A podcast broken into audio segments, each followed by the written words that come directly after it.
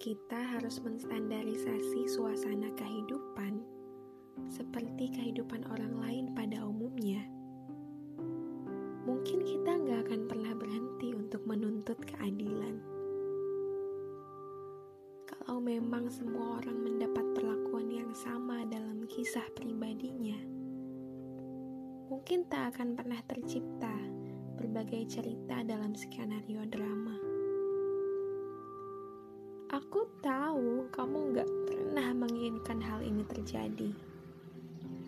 Aku tahu kamu pengen banget hidup bahagia, penuh canda tawa, kehangatan, dan ketentraman seperti mereka. Tapi itu sudah berlalu, bukan? Pikiran-pikiran kacaumu yang tak menerima keadaan itu sudah selesai. Iya kan? Daripada kamu berpikir bagaimana caranya memperbaiki kaca yang sudah hancur berkeping-keping, lebih baik kamu buat kaca yang baru, yang lebih indah, yang lebih cerah, yang bisa sedikit merefleksikan bayangan itu dengan berbeda. Bukan dalam bayangan yang sama seperti dulu. Bukankah lebih mudah begitu? Lagi pula, masalah itu terjadi di luar kendalimu.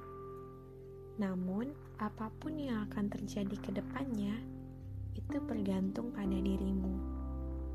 Bagaimana sudut pandangmu, bagaimana sikapmu, bagaimana rencanamu, dan bagaimana tindakanmu. Jadi, fokus saja dengan apa yang bisa kamu lakukan dan apa yang bisa kamu banggakan, serta persembahkan untuk mereka. Iya, mereka berdua.